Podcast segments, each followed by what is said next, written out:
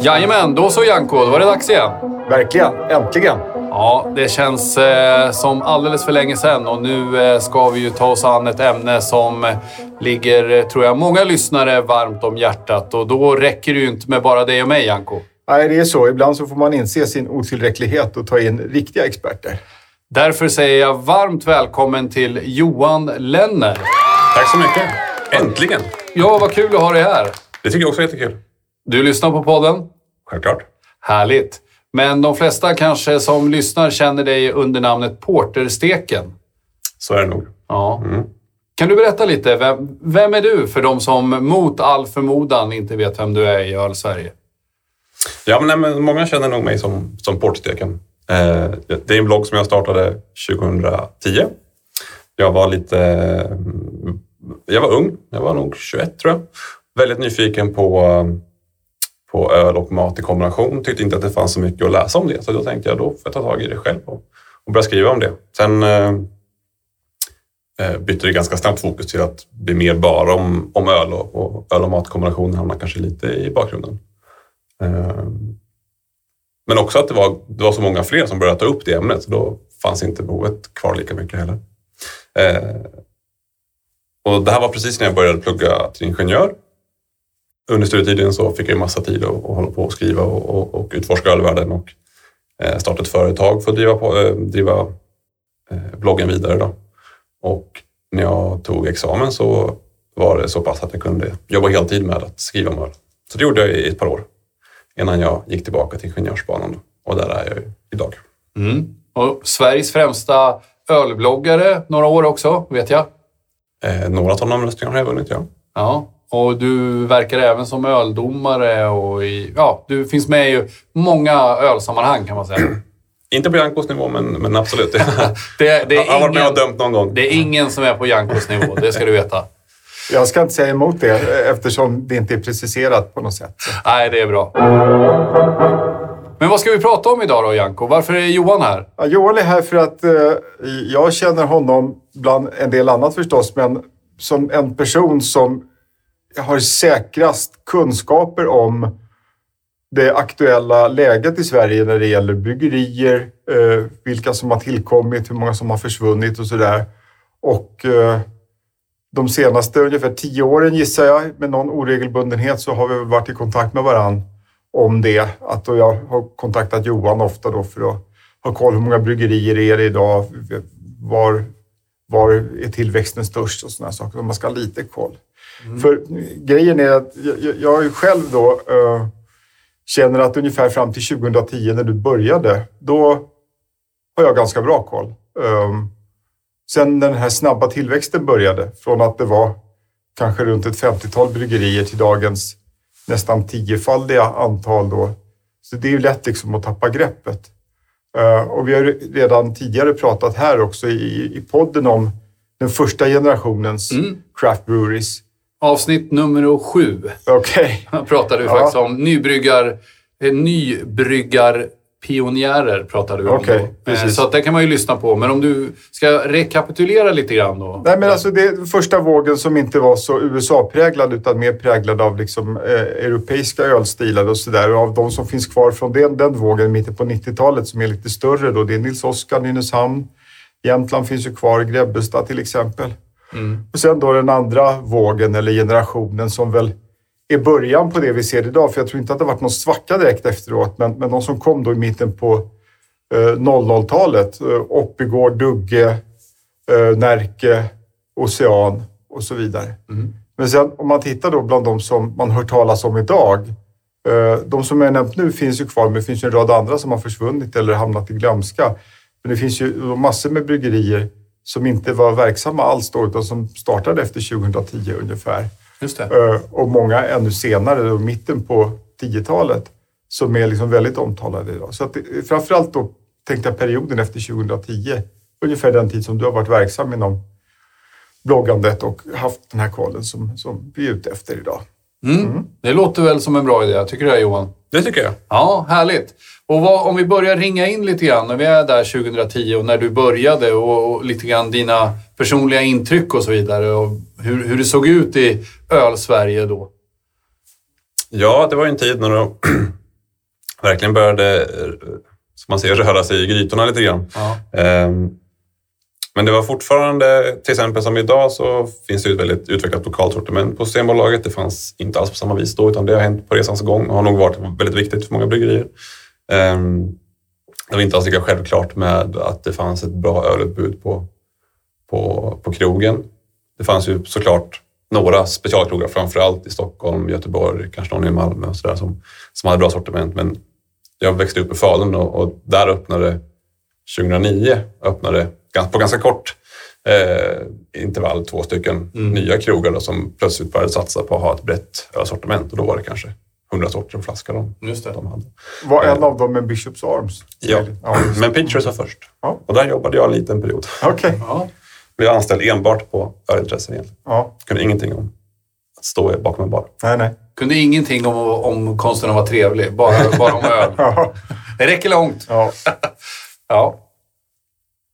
Ehm, ja, och sen så någonstans där, det fanns ganska få ölfestivaler också. Då hade ju Stockholm Beer som, som Janko hållit på mycket med. Det hade ju funnits länge, men utöver det så var det ganska få andra festivaler. Det var också där någonstans som det började växa och komma väldigt många nya ölfestivaler runt om i landet. Så det var, var typ liksom ganska, jag hade nog bra timing när jag började. Att jag började i en tid och det plötsligt blev mycket lättare att följa Ölsverige för man kunde träffa bryggare på många fler ställen, eh, många fler gånger om året så att säga. Och det var, det var lättare liksom att hitta ölen som konsument också. Mm. Just det. Hur minns du den här tiden då, Janko? 2010? Nej, men jag minns det ju egentligen mest just att, att det var för mig överväldigande just det här. Eh, Om jag inte minns helt fel så var det framförallt i, i Skåne det började liksom de första åren på 10-talet. Alltså, de var lite före Göteborg med ett stort antal eh, nya bryggerier.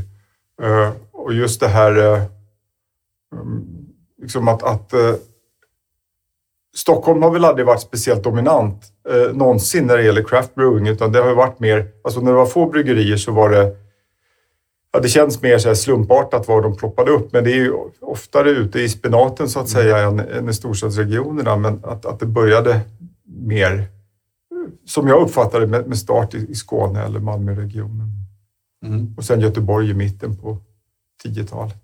Mm. Ja. Ja, men om vi börjar där då, eh, Johan. Någonstans eh, kring 2010, Skåne. Vad, vad, är det vi, vad är det som växer fram för någon typ av bryggerier? Jag får nästan säga emot Janko att faktiskt så, om man kollar länsvis så eh, har Stockholms län eh, faktiskt varit... Stockholms län och Västra Götalands län har liksom dragit jämnt egentligen i hur många bryggerier de har haft Mm. eh, Okej.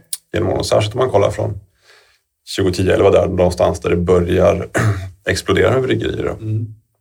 Däremot kanske det var så... Då, nu pratar jag om antal bryggerier. Ja, jag när, jag säger, när jag säger bryggeri, då menar jag ett, ett fysiskt bryggeri. ehm, som har liksom en ska säga, självständig ägare.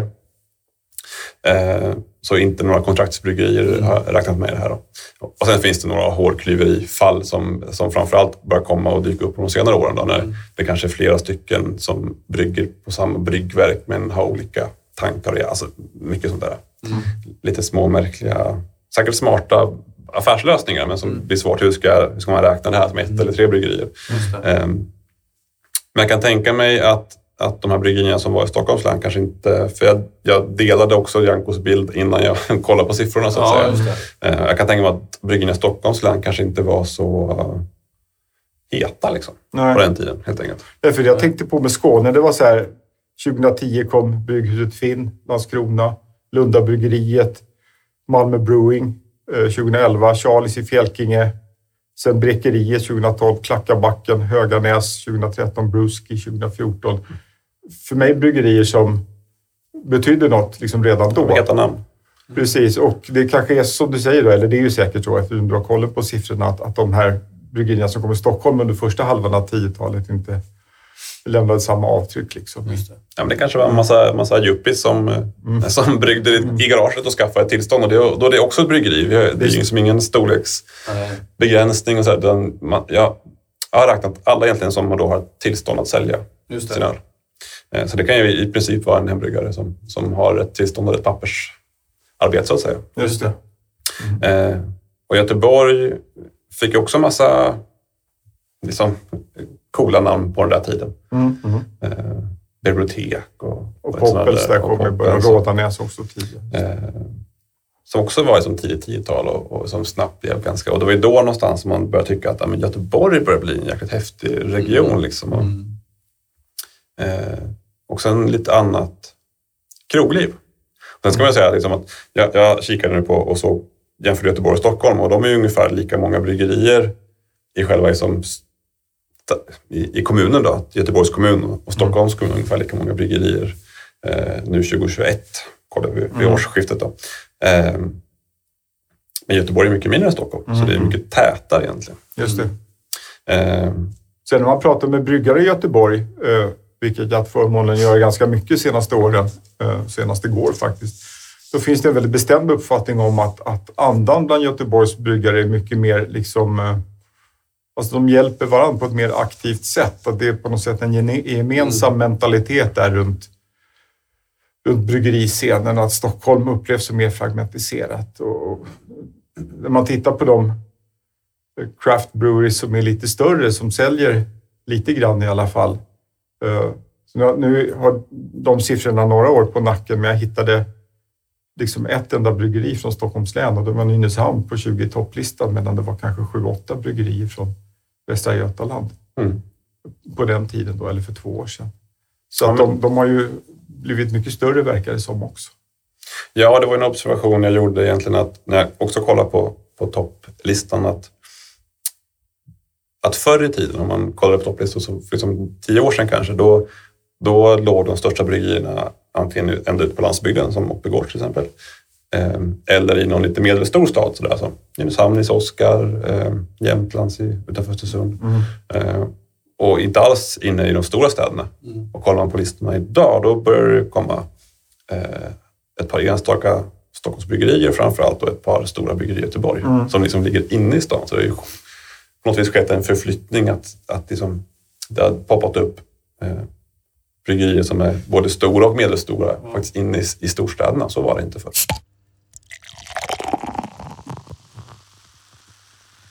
Det här med att de samarbetar inom skrået i Göteborg på ett annat sätt, det har ju också, tror jag, växt hela scenen för dem och det har gynnat mm. Eh, flera av dem. Och jag, jag, vet ju att flera av dem liksom hänger hos varandra också och, mm. mm. och säkert inspirerar och, och, hjälper varandra på olika sätt. Så det, det, det, håller jag med om, den bilden. Ja.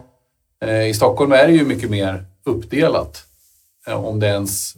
Jag menar, det är ju klart att de träffas, men Stockholm är ju mycket större och man kanske håller sig mer på sin kant. Jag vet inte. Mm. Jag vet inte, jag gjorde ju en ölresa för uh, tre år sedan uh, med ett gäng Göteborgsbryggare. Just det. Ihopsamlade av Ölpölen-folket då. Uh, och ja, det har jag ju aldrig upplevt i Stockholm, liksom den typen av... Um, att man verkligen samlas på allvar och, och, har det här liksom, aktiva, verkliga utbytet. Sen sker det ju förstås massa samarbeten i Stockholm också, men inte alls på det temperaturhöjande sättet tror jag som Göteborg. Jag tror du var på det lite grann där Johan med kroglivet också. Ser ju annorlunda ut i, i Göteborg än vad det gör i Stockholm. Måste jag säga. Och, ja. och gjorde. Framförallt gjorde tror jag. Ja. Jag tror att Stockholm börjar komma ikapp. Mm. Um, och det har hänt en del saker, kanske åt fel håll också i Göteborg. Fel håll säger jag som, som en konsument. Om lite tråkigt exempel att The Rover har, eh, verkar ha bytt ägare och sådär. Mm. Men eh, jag, tror att det fanns en, eh, en bra grogrund där med, med liksom att det fanns en bra möjlighet för, för också konsumenten att dricka lokalt i Göteborg när man var på krogen som, som jag tror att Stockholm var lite senare på att snappa upp. Mm. Är det inte ganska många av Göteborgs bryggerier som har lokala, alltså egna tapprum också centralt i stan? Eh, jo, det tror jag och även kanske på sina bryggerier som inte ja. ligger lika centralt. Att, det har, också, att de har varit duktigare på att driva det och det kanske är en kommunal fråga i, i alltså, tillstånden skiljer sig åt mellan olika kommuner tolkar tillståndsfrågan. Och där vet jag att Göteborg har varit drivande på att få till, eller Göteborgs bryggerierna har varit drivande på att få till att man skulle kunna ha provsmakning på bryggeriet. Ja, ja. Så att de kanske också har på ett sätt levt närmare konsumenten. ja, ja. Men jag vet ju Stigbergets har ju flera olika ställen nu man kan gå till och Poppels har ju något helt nytt nu. Mm. O&O har ju sin lilla, lilla bar där uppe på, på Stigberget. Alltså området Stigberget. Så det finns ju flera. Så att det, det är ju häftigt. Och det är ju inte alls på samma sätt i Stockholm. Nej. Stigbergets fot finns i Stockholm. Ja, exakt. Det är ju, de kommer hit istället Ja. och visar hur det ska gå till. Ja. Ja, men vi var vid 2010. Vad, vad hände sen då? Lite, lite, om vi går framåt några år. Eh, vad, vad är det vi ser liksom i, i siffrorna och i utvecklingen? Men det, går, det börjar gå ruskigt fort där. Man ser att liksom, det var en, en period där fram till någonstans 2015-16 då, det, då antalet bryggerier ökade för varje år men också att ökningen ökade för varje år. Så att varje år så var det liksom ännu fler tillkommande bryggerier. Mm. Tills det där började, det nådde som någon sorts kulmen kring mitten av 10-talet. Mm. Och sen så började det också komma en liten period då allt fler bryggerier också började lägga av. Eh, av säkert massa olika anledningar. Mm. Eh, jag, jag tror nog att det är så att många bryggerier eh, som har startat den här stora tillväxtperioden har varit eh, av den här typen som jag beskrev tidigare. Att det kanske är lite mer av en, en, hobbyverksamhet. Att man, man har säkert ett vanligt jobb eh, vid sidan om. Det är, det är ett vanligt jobb att vara bryggare och bryggeriägare också, men att man har ett annat jobb vid sidan om. Som ingenjör till exempel. Som ingenjör eller Ett rikt- i, inom IT Ett riktigt kanske. jobb, du får säga det. Ja, ja. Ehm, och så, nej, men så har man drivit ett bryggeri, kanske ett kompisgäng, sådär, några stycken på kvällar och helger. Mm. Ehm, och har då kunnat, man behöver inte tjäna pengar på bryggeriet, man kan gå break-even bara. Men så börjar man tröttna på pappersarbete och sådär som får driva sin hobby vidare. Att det blir mycket, eh, mycket sådana saker. är min gissning att man då Mm. kanske börjar Mm. tänka att det här är inte värt det längre. Kanske att det här är lite säga, eh, noveltyn med att ha kunnat sälja sin öl till polarna har som börjat försvinna. Och sådär. då. Men är det något du ser fortfarande att den här tillväxttakten inte ökar lika mycket från år till år längre? Ja, det är ganska, ganska tydligt faktiskt. att Mm. Bara som ett exempel, den, den, 2017 var det flest nya bryggerstarter. Då var det 64 stycken det året. Ehm, och i fjol så har jag bara fått upp 39 stycken. Mm. Så det är mindre än två tredjedelar var på för bara, bara fyra år tidigare. Då. Just det. Och samtidigt så har då um, bryggeringar som lägger ner var också väldigt många. De har också, det har också börjat sjunka lite. Sen är det svårt att, att mycket svårare att räkna och hålla koll på vilka som lägger ner vilka som startar. Och det är svårare att märka av att någonting försvinner, att någonting Mm. tillkommer. En, en intressant grej som när vi preppade inför det här och, och eh, skrev till varann inför den här inspelningen. Då skrev du att du tyckte dig se att det fanns liksom en sorts, ett sorts mellansvenskt bälte där nedläggningarna verkar ha varit fler än på andra ställen. Alltså från Västmanland över Dalarna till Gävleborg Ja. grovt sett. Har vi några fantasier om vad det kan bero på? Nej, jag har klurat på den. Jag, jag kommer ju själv från Dalarna, men jag har faktiskt ingen aning. Nej. Och Oppigård ligger ju liksom mitt i det här bältet, det mest framgångsrika. eh, Kanske därför att konkurrensen är för stark om de lokala, Ja, om de lokala kunderna. Så att, eh, just det. För det har ju varit en väldigt stor anledning till att så många bryggerier finns i Sverige. Då. Det är den här vurmen för det lokala som finns generellt i samhället när det Just det. gäller livsmedel och, och annat också för den delen. Att, att det finns en, en eh, efterfrågan på någonting som är lokalt. Jag gjorde en sammanställning häromåret för, eh, också för Sveriges bryggerier av hur många kommuner det finns som har ett bryggeri. Mm. Minst ett. Då. Och det var, jag kommer inte ihåg siffran i huvudet nu exakt, men det var väldigt många som hade, som hade bryggeri. Sen var det fortfarande kanske en tredjedel av, av kommunerna som inte har något bryggeri alls. Då. Mm. Ehm, och det är framförallt väldigt små kommuner som inte har något bryggeri. Och, och några i Stockholmsområdet. Då. Ja, ja, någon... Som kanske är små till ytan. Ja, Ja, just det. Som helt enkelt inte har något lokaliserat i sin lilla ficka. precis. Ja, men det är intressant det där, för det känns ju som att kanske många kommuner lyfter fram bryggerier och att man känner att det är småskaligt och att det är någon slags tradition som man lyfter fram och vill på så sätt marknadsföra kanske en kommun eller någonting. Och det kan man också fundera lite kring vad, vad det beror på. Mm. Mm. Eh, och det, det är väl, jag vet inte, har ni någon teori? Alltså, jag sitter och tänker på helt andra saker faktiskt när det gäller just de här områdena som vi pratade Ja. om. Eh, Det är ju ett, det är om, ett av de områden i Sverige som liksom ganska sent i tiden hade kvar industriella bryggerier. Jag menar, det fanns ju Bollnäs och Gävle Mm. ganska sent bryggerier. Det fanns Kopparberg, finns det fortfarande. Just Eh, och i Dalarna förstås. eh, där Spendrups finns kvar, men tidigare också Risingsbo till exempel. Mm. Svagdrickarna var ganska stark i den här regionen också. Sen tror jag att, att de som marknadsför sitt öl som, som kommuner, det tror jag mer kan ha en koppling till, eh, vilket vi också kommunicerade om lite grann tidigare, det här att de eh, regioner som verkar vara tätast i förhållande till folkmängden, det är ju de med mycket sommar respektive vinterturism. Ja. Det är alltså Gotland och, eh, Gotland och Jämtlands län. De är liksom överlägset störst om man räknar bryggerier per capita. Mm. Just det. Medan resten av Sverige ligger en ganska, eh, Ja, det- ganska tätt, eh, ganska nära liksom varandra och nära liksom den eh, nationella siffran. Då. Det är inte så stor skillnad mellan Norrbotten och Dalsland. Liksom, men, Nej, det är inte det. Men Jämtland och, framförallt Gotland sticker ut jättemycket. Ja. Det, och de är ju ganska... eh, De är, inte- det är inte så mycket invånare i de länen. Så det, är ju, det behövs inte så många bryggerier för att det ska synas i den typen av statistik. Nej. Och som sagt, det är mycket turism där. Så det, det, min teori är väl att det är turismen som har gjort att det finns ett underlag för bryggerierna att finnas där. Så det är väl också, kan man gissa, en, en hel del så här entreprenöriellt lagda stockholmare som är verksamma där också. Ja, säkert. Jag Kan vi, tänker- näm- kan vi nämna några som du tänker på just på Gotland och i Jämtland? Det är kul för lyssnarna att att höra vad vi, vad vi tänker på för bryggerier.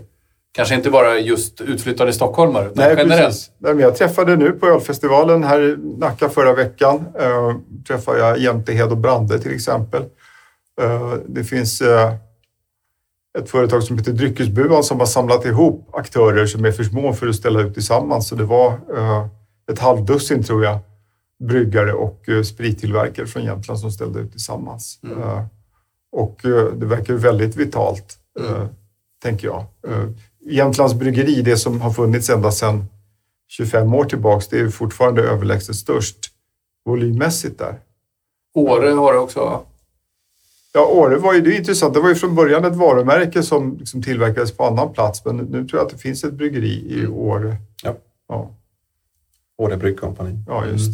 Sen var jag i kontakt med Klövsjö till exempel när jag skulle skaffa svagdricka och svagdricksliknande produkter. Och på Gotland då? Vad har vi där som, för bryggerier som vi kan Ja. nämna? Barlingbo är väl ett som har funnits ganska länge. Ganska länge, ganska starkt lokalt märke. Och, Precis. Inget av de här ligger väl på topp 20-listan i och för sig, av de ja, gotländska. det är ju Gotlands bryggeri då, som ägs av Spendrups. Men det, Just det. den, den siffran är lite lurig, för det är frågan om mycket av det som faktiskt bryggs på Gotland och mycket som bryggs i Grängesberg. Ja, ja, för oss som vet, jag på att säga, så är det ingen fråga direkt, men det, det, folk har säkert intryck av att det Sen har jag stött på eh, Snausarve.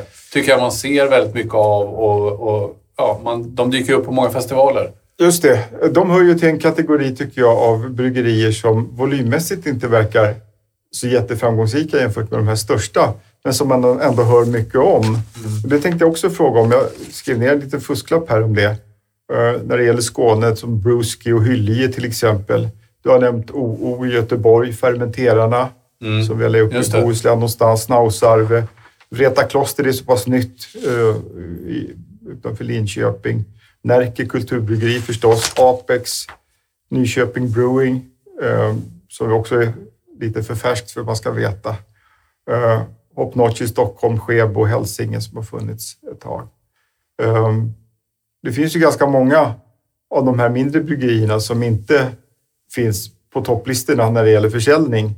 Eller inte bland de allra största i alla fall, men som ändå är mycket mer kända än många av de som, i alla fall i mina ögon, många av dem som eh, har ganska höga positioner. Så, så att det är också intressant liksom hur, eh, eh, vilka som har bestämt sig för att de vill växa och gått systematiskt tillväga. Det är många som menar att Oppigård var duktiga på det. Liksom, att satsa lagom mycket i rätt fas hela tiden för att kunna växa. Medan andra som kanske Närke enligt mångas tankar eller fördomar då inte har liksom tänkt i de banorna utan så här, bryggt sin egen goda bärs. Jag har också uppfattat Närke som ganska ideologiskt styrt. Då. Mm. Eh, Att man kanske har haft eh, marknadsunderlag för att växa men inte har velat använda alla till medelstående eller alla till budstående medel så att säga för att, Nej, nej. för att ta sig dit. Just det. Eh, Det är också en intressant diskussion jag har haft vid flera tillfällen, bland annat med Närkefolket men också med andra bryggare, just det där hur, hur på en marknad som den svenska, där Systembolaget är så viktigt, eh, hur man liksom lyckas tajma sina investeringar. Eh, För det handlar ju om, alltså de som får, du hittar ju här i Stockholm eh, öl från flera, till exempel Göteborgs bryggerier på väldigt många systembutiker. Men knappast något från Stockholm i Göteborg. Om man inte räknar Nynäs kanske då, men alltså från... Mm. Och sådär. Och liksom när man får det steget att man finns över i stort sett hela landet. Hur i relation till det ska man låna, pengar till en, en liksom tappmaskin till exempel? Alltså det är sådana eh, överväganden som, som man måste fatta när, i vilken ordning saker ska göras tror jag för att kunna växa om det är det som är intressant. Då. Sen tror jag att, att många andra av de här som vi nämnde, de kanske inte tänker som sagt på att växa i första hand utan de har sin kapacitet och sin publik och, och, och är väldigt eh, liksom, intresserade av sina produkter och, och, och folk eh, eftersöker dem eh, ja, i den omfattning de finns att få tag på helt enkelt. Jag tänker att det kan finnas vissa inlåsningseffekter också. Man tänker till exempel Nynäshamn som ligger... Bryggeriet ligger mitt inne i Nynäshamn och det, de har inte plats att växa utanför de fyra väggarna. Nej. Och de vill, då säger de själva äh, att de, vi vill ligga kvar här, vi vill inte flytta på oss. Mm, Och då blir det en, en typ av inlåsningseffekt att lokalen begränsar. Medan exempel uppe i Gårsta liksom, som ligger ute på vischan har massa mark att bara bygga upp en ny byggnad på om de behöver ett nytt kallager eller vad det nu kan vara. Då. Sen tror jag att som- Nynäshamn det här laget har expanderat, inte fler byggnader, men, men liksom, Mm. det kan ju uppstå sådana effekter på... Mm. Och de har också flyttat en gång i tiden till den plats de är nu. Jag var ju på Oceanbryggeriet i Göteborg igår. De flyttade för fem år sedan av det skälet. Alltså ut till ett industriområde från en mer central del. Om vi går in på en annan liten del av den här utvecklingen då, om vi pratar om själva produkterna, eller produkten öl. Eh, och om vi återigen då är på mitten eller någon kring 2010 och lite framåt. Vad ser ni två för, hur har, hur har det förändrats så att säga? Trender och, och så vidare. Vad är det som är, om du skulle beskriva lite grann Johan, från 2010 och, fram till idag? Lite grovt sådär.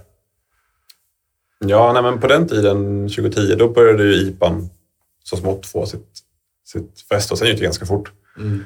Och någonstans i mitten där så liksom tog IPAn över som nästan någon sorts variant till storstark. Då, att, man, att kunden kanske gick in på krogen och hade kanske inte koll på specifika märken eller specifika bryggerier utan bara här, IPA är gott. Man gick och beställde en IPA i baren. Mm. Sak samma vilken det var. Just det. Det, blir, finns en, det är lite analogt mot att säga storstarkt om man bryr sig inte riktigt vilken öl den ska passa in någon sorts. Men hur, den IPAn som man beställde på den tiden, om vi säger 2015-ish där kring, eh, var det fortfarande liksom en, en västkustaktig IPA? Alltså blank, eh, ganska krispig kropp och, och kraftig beska? Eller hade det börjat komma de här superaromatiska New England-IPorna då? När, när började de slå igenom i Sverige? Det var väl... Jag, jag brukar tycka att Gbg Beer Week-ölen, den första som kom, Mm. den... Och det var väl Stig Berg som gjorde den, att det var Olle som nu driver OO som låg Mm. bakom just den ölen. Då. Den på något vis... Jag ska inte säga att den var absolut först, men att det var den som liksom gjorde att, att stilen slog igenom. Och, att, och, och som jag minns det så var den väldigt tydligt att det skulle vara en New England IPA. Sen kanske man inte kallar den precis så, men att inspirationen var väldigt eh, tydlig. Att man försökte efterlikna de ölen som hade slagit igenom i... Det var någon sorts röster, genombrott för den stilen kan man säga. Ja. Vilket år var det? Ja, nu sätter jag mig på åttan lite grann, men eh, 2016, 2017 någonstans tror jag. Just det. Mm. Fem år sedan eller lite drygt. Ja. Ja, men innan dess så hade du alltså den vanliga, jag menar Avenyn Ale till exempel. När den blev årets öl på Stockholm. I Ja. Stockholm. När var det? 2006 gissningsvis. Ja, någonting sånt ja. Men det är ju nota bene inte liksom IPer utan det är den här svenska tolkningen av APA som är lite svagare, lite ljusare. Mm. Alltså som Oppigårds Golden Ale Mm. och Avenyn. Och jag menar, de, de beredde ju mark lite grann för det som komma skulle sen. Absolut. Visst. Alltså, alltså om man pratar från storstark till att man börjar beställa någonting annat. Ja, det var ju de första liksom... ehm, man kan säga att den amerikanska humlen slog igenom redan Ja, i, i första vågen Det när det kom Lundgrens lager och Häll och de här så ljusa lagerölen med Ja. modern humle.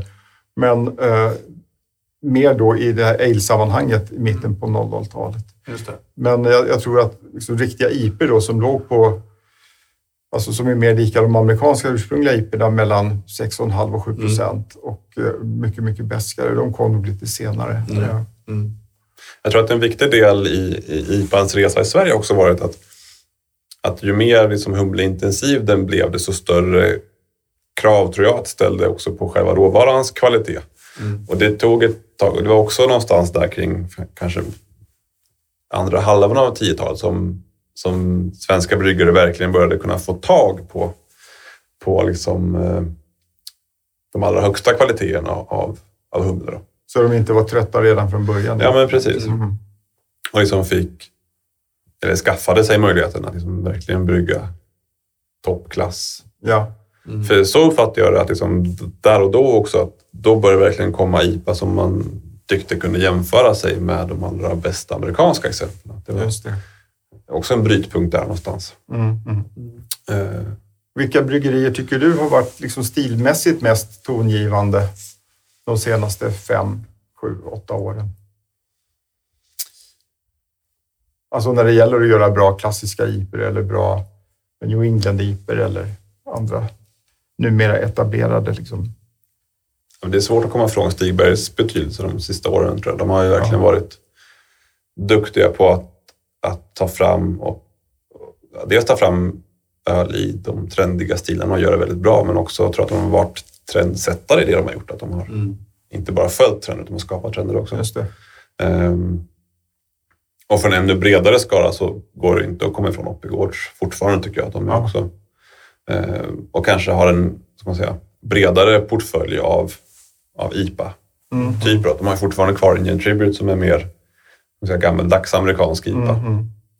Eh, och, och Turbo dubbel-IPA och, Mm. och sånt. tidigare. Men också New Sweden som var någon sorts folklig variant av, av New England IPA. Och, Mm. och så har de släppt ganska många varianter av, av New England IPA som är mer, liksom, verkligen går på djupet i den stilen. Just det.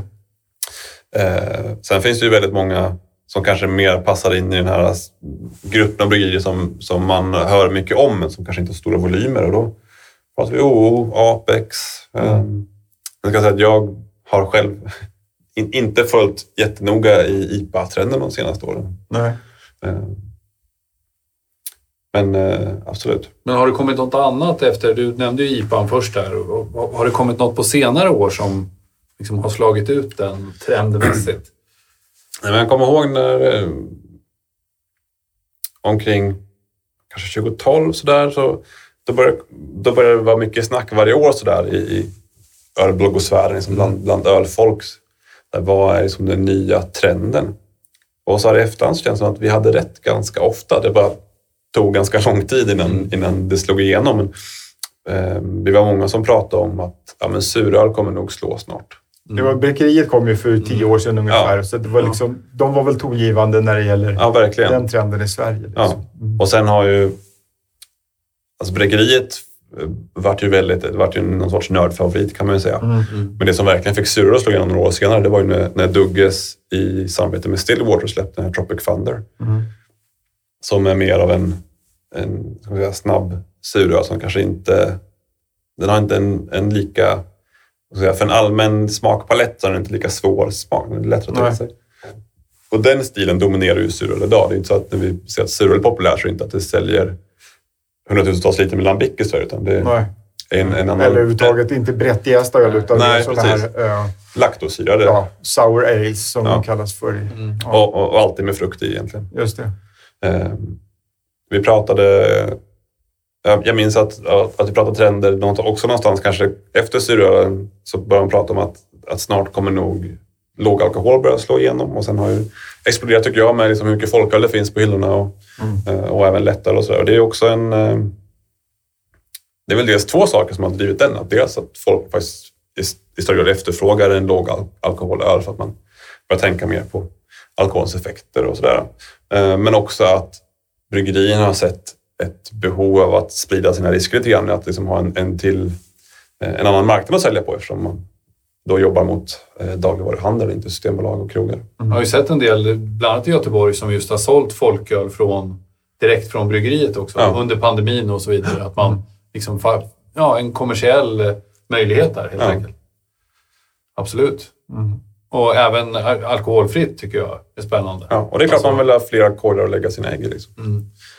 Jag Eh, tycker jag har märkt mycket när jag, när jag får mina svagdricksskov och letar efter svagdricka i butiker. Då, när det för tio år sedan fortfarande i var tionde butik kunde finnas någon svagdricka, i alla fall i december, så är det i princip borta nu. Utan det är en massa liksom, lyxfolkis och lyxalkoholfria öl som är liksom dubbelt så dyra som starköl på systemet, fast det är alkoholfritt. Och det finns ju därför att folk köper det. Det är väldigt spännande faktiskt. Mm.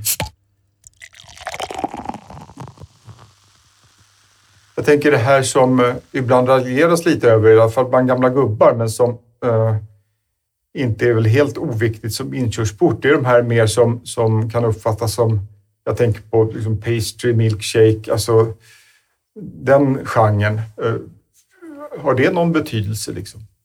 Jag vet inte faktiskt. Mm. Jag, jag upplever nog att det här med pastry stout kanske har haft lite av sin storhetstid. Mm. Att, det, att man kanske anar i alla fall att det börjar dåligt och det är inte på något vis borta. Men, Nej. Men eh, det kan nog säkert vara en, en, en bra inkörsport. Jag och Peter pratade ju innan här om att det, om man är, kanske om man är ung och, och liksom tycker att det är jäkla häftigt det kan vara med öl. Liksom, Mm. När man eh, smakar en sån så, eh, så varför inte? Liksom. Som när vi provade krig på 80-talet. Ja, men lite så. Jag, jag berättade för Johan om min son som har fyllt 18. Mm. Och vi åkte in på en mindre festival som var i Stockholm. Och då sa han, jag vill prova det, det, det, det, det, det mörkaste och det starkaste och det, mest, det konstigaste vill jag prova. Mm. Mm. Och, det, och det där kan man ju känna igen lite grann ibland. Och sen så blir man lite som alla vi tre tror jag. Man går hela varvet runt och sen är man tillbaka vid avsnitt nummer ett som vi pratade om av, av podden. Ja, Varför den ja. godaste ölen bara smakar öl och ingenting Ja. annat. Det är ju lite så Visst. eh, tror jag. Eh, men det är klart att det är spännande och en inkörsport. Och att, kan, kan det här vara öl? Kan öl smaka så här? Och det kan jag väl heja på lite grann, att det inte behöver vara exakt liksom, sådär hela tiden. Men eh, Nej, jag tror inte man ska underskatta det heller, för jag tror som sagt att, att det här med att, att eh, många som håller på länge med öl är tillbaka vid eller fast i liksom ganska basala öltyper. ja, Eh, det, det är ju inget som har fått kommersiellt genomslag på något sätt, utan det är fortfarande liksom humlepräglad öl som säljer. Det här med att ganska många av bryggerier som var nämnt på senare år har börjat brygga en enklare lager eller en tysk pilsner till exempel. Eh, Det är ju mer bryggarna själva som hyllar varandra för det. Det är ju mm, det är inte så liksom Ja. att, att, eh, att den traditionella lagen är tillbaka på något sätt. men jag tror gemene man, jag tror att man står i butiken, det är lite grann som när man står och jämför andra varor. Mm. Man jämför en lager mot en annan lager. Mm. Och så tänker man så här, hur stor skillnad kan det vara? Och den ena kostar sex gånger mer än vad den andra gör. Mm, Det är klart. Det tror jag är en stor eh, liksom anledning till det. Mm. Att kvaliteten är kanske, man kanske tänker att den är nog kanske lite högre, men inte liksom jag får sex burkar av den ena sorten Ja, ja. och en av den andra. Då ska man, ja. Sen är det, inte- gäller ju inte det alla öl. Vi har ju Mm. pratat om många, många kvalitetsöl som inte behöver vara så superdyra, men jag tror att det är en del av det. Visst, det är ju som precis på vinsidan också. Liksom. De flesta fattar Mm. ju att ett vin för 500 är, är kanske bättre än ett för 80 spänn, men kanske inte så många gånger godare att man vill lägga de pengarna mot vad man själv tror att man känner skillnad i smak. Och så. Mm. Så är det väl. Men vad, vi pratade lite grann vad ni, vad ni såg för trender tidigare. Vad, om man har två av de klokaste herrarna i ölsverige här, vad, vad ser ni liksom på andra sidan här nu då? Om vi, om vi säger 2025, vad, vad, vad ser vi i kristallkulan när det gäller smaktyper och öltyper och så vidare? Jag kan säga direkt att jag har ingen aning. Eh, Jag har aldrig haft någon aning. Jag kunde inte ana till exempel det här eh, surölstrenden. Liksom, Jag, jag, jag hade tankarna för tio år sedan att det kanske skulle komma en surölstrend, men att den skulle hamna där vi är idag. Eh, För det var en ölstil som jag inte visste fanns för tio år sedan. Alltså de här laktosyrade, fruktkryddade. Så att för min del måste jag säga att jag passar på den. Mm. Johan kanske har lite... Ja, dels får jag erkänna att det var ju samma för mig. Jag, jag trodde när jag sa att suröl skulle bli en trend att det skulle vara en annan typ av än, Ja. än det som blev en trend så att säga.